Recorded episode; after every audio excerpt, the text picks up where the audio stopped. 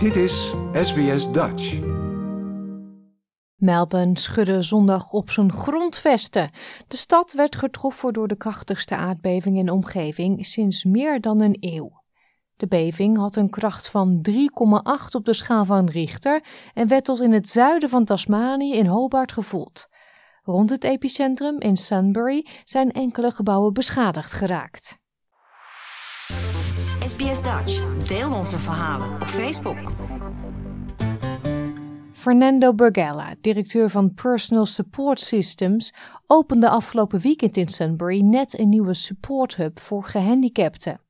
Klaar voor een nieuwe drukke werkweek keerde hij maandagochtend terug naar kantoor. I noticed there was a few cracks in some of the doors, and, and very noticeable considering that it's a, pretty much a new build. And then I noticed on the outside of the building big gaps between the concrete pavement and the building, the, the brickwork itself. En dus kan het centrum voorlopig nog niet open. It's because we're in the disability space, we need to make sure that it's safe and accessible. So, because the floor has shifted and it's not level, we do need to assess that and, and probably have a look at the slab. We can't allow participants when the floor's uneven. So, yeah, it's going to put us off a little bit. We were planning to do a soft launch relatively soon, uh, but our day will be spent now making sure that we contact the right people to fix what's what's what's happened overnight. Zondag laat op de avond, rond tien over half twaalf, waren het de drie honden van meneer Bergella die hem waarschuwden dat er iets aan de hand was. I was sleeping in bed and I heard my dogs barking. Uh, and then that was followed by the, the tremor, of course, and my bed started shaking, and I got up to see what was going on, and then obviously realized that yeah, there was an earthquake going on. Volgens de hoofdwetenschapper van de Seismology Research Center, Adam Pascal, belandt deze aardbeving in de geschiedenisboeken. This is the largest earthquake in uh, the Melbourne metropolitan area within 40 kilometres of the CBD in uh, over 100 years. So, uh, about 120 years ago, 1902, uh, there was a magnitude 4.5 in Port Phillip Bay. Um, and we haven't had one of this magnitude in that area before. Although we did have uh, a magnitude 5.9 a couple of years ago, but that was a, a lot further away from Melbourne, even though it was felt all across the city also.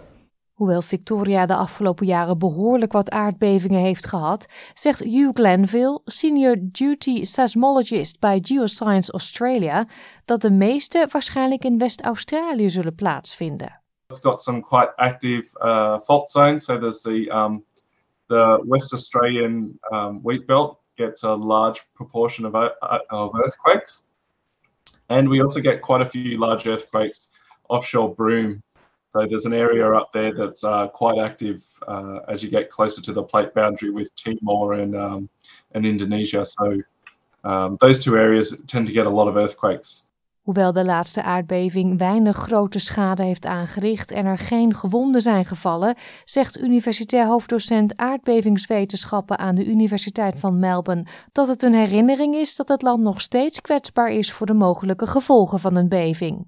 We have numerous building buildings throughout Melbourne and other places in Australia that are susceptible to uh, damage under very, very low shaking intensities from earthquakes. That is a problem that can be dealt with um, through retrofitting buildings, identifying the most vulnerable buildings and the most vulnerable elements of those buildings, and and actually doing something about it before the next major earthquake rather than after.